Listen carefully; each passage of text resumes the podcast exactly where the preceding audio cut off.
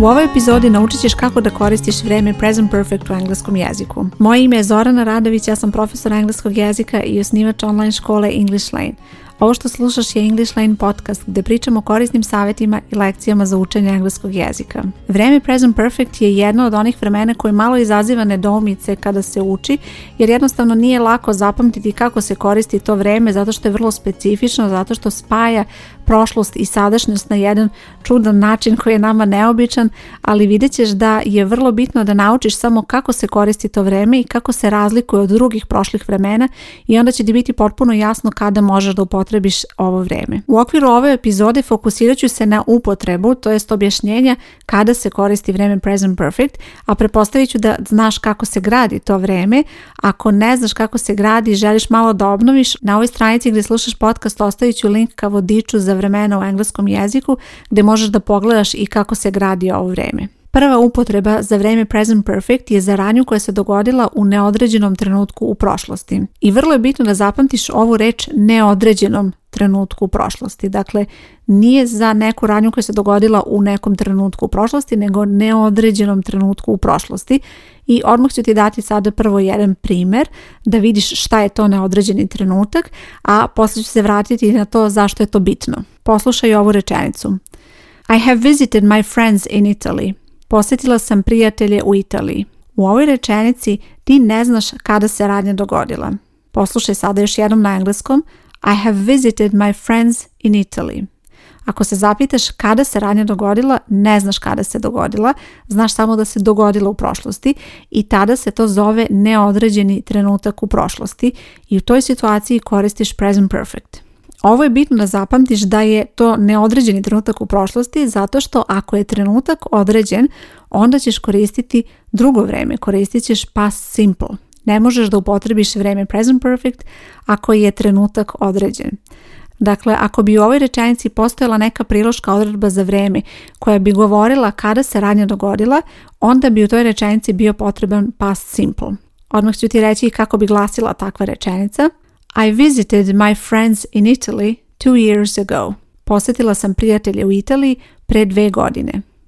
Imamo ovo two years ago, pre dve godine, koje ti govori kada se radnja dogodila i tada je to određeni trenutak u prošlosti i tada koristiš past simple. Ta priloška odredba za vreme ti govori zapravo kada se radnja dogodila i na taj način trenutak postaje određen i mora da se upotrebi past simple u toj rečenici.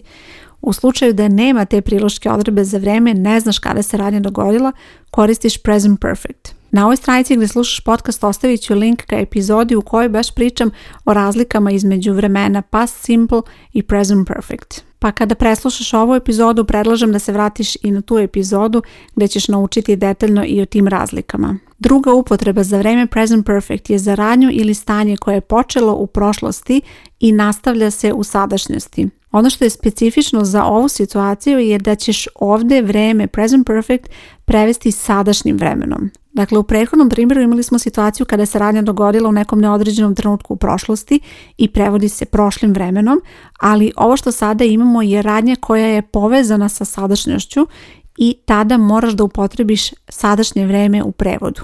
Preslušaj odmah primjer rečenice da ti bude jasnije kako to izgleda. I have worked here since 2009. Radim ovdje od 2009. godine. Dakle, imamo rečenicu gdje je radnja počela u prošlosti, počela je 2009. godine, kada osoba upotrebi vrijeme present perfect u ovoj rečenici, to znači da osoba tu još uvijek radi. Dakle, počela je da radi u neke godine i još uvijek radi i zato se takva rečenica prevodi sadašnjim vremenom radim ovde od 2009. godine. Ovde ne bi bilo tačno prevesti prošlim vremenom, radila sam ovde od 2009. to ne bi bilo tačno jer na taj način ti ne bi prevela značenje koje ima present perfect, a to je baš za radnju koja je počela u prošlosti i nastavlja se u sadašnjosti. I treća upotreba za vreme present perfect koju je bitno da zapamtiš je da to vreme koristiš za radnju koja se dogodila u prošlosti, ali se posledica vidi u sadašnjosti.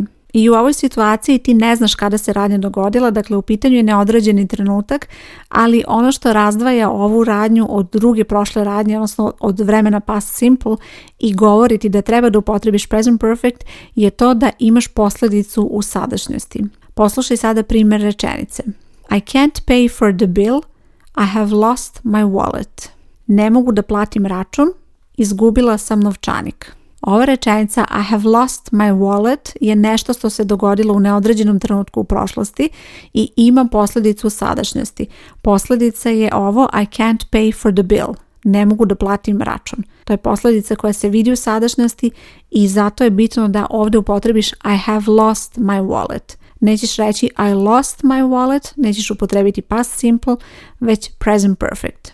To je ono što je pravilno kada je u pitanju upotreba ovog vremena i ono što je bitno da zapamtiš kada ti koristiš vreme present perfect u engleskom. Osim ovih upotreba, korisno je da zapamtiš i priloške odredbe za vreme koje se javljaju u vremenu present perfect, a neke od njih su ove koje ću sada navesti. Ever, never, just, already, since, for, yet, recently i tako dalje. Imaju vidu da priloške odredbe za vreme, iako jesu korisne i pomoći će ti recimo ako radiš neka vežbanja i mogu da ti pomognu u takvoj situaciji da prepoznaš koje vreme da upotrebiš, imaju vidu da nisu 100% pouzdane i da mnoge priloške odredbe za vreme mogu da se koriste u različitim vremenima.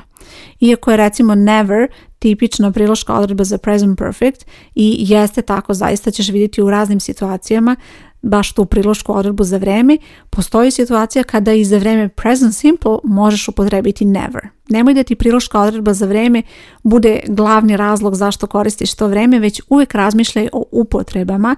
To je nešto što će ti pomoći da zaista sigurno upotrebiš jer nećeš vidjeti dve iste upotrebe za različita vremena i ako postoje slične upotrebe uvijek postoje neke sitne razlike kao što je ova prva razlika koju sam pomenula da li je trenutak u prošlosti određen ili neodređen. Kada inače učiš vremena u engleskom jeziku, iako postoje te priloške odredbe za vreme i često se koriste kao neka prečica da odrediš koje vreme da upotrebiš, imaju u vidu da je najbolji i najsigurniji način da znaš koje vreme da upotrebiš u rečenici, baš to da razmišljaš o upotrebi, jer ti to vreme koristiš u nekoj specifičnoj situaciji, dakle postoji kontekst, postoji situacija gde i zašto koristiš to vreme i ako to odgovara upotrebi, onda si sigurno da si upotrebila dobro vreme. Ako si član English Lane škole, na ovoj stranici gdje slušaš podcast ostavit ću link ka nekim dodatnim aktivnostima koje su dostupne u školi koje možeš uraditi da provežbaš pre svega vreme present perfect, a zatim i ostala prošla vremena, bit će neke radionice, bit će vežbanja, to sve možeš da pogledaš i da provežbaš vreme present perfect. A ukoliko nisi član English Lane škole, a želiš da to postaneš, želiš da učiš engleski preko interneta, Pozivam te da pogledaš više o English Lane školi. Na ovoj stranici gdje slušaš podcast bit će link i tu možeš saznati sve detalje o školi ili možeš i potražiti English Lane online škola i tu ćeš pronaći informacije o školi i kako možeš da se prijaviš. Hvala ti što slušaš podcast i nadam se da ti je ova epizoda bila korisna i da će ti pomoći da razumeš vrijeme Present Perfect. Moje ime je Zoran Radović i čujemo se uskoro. Ćao!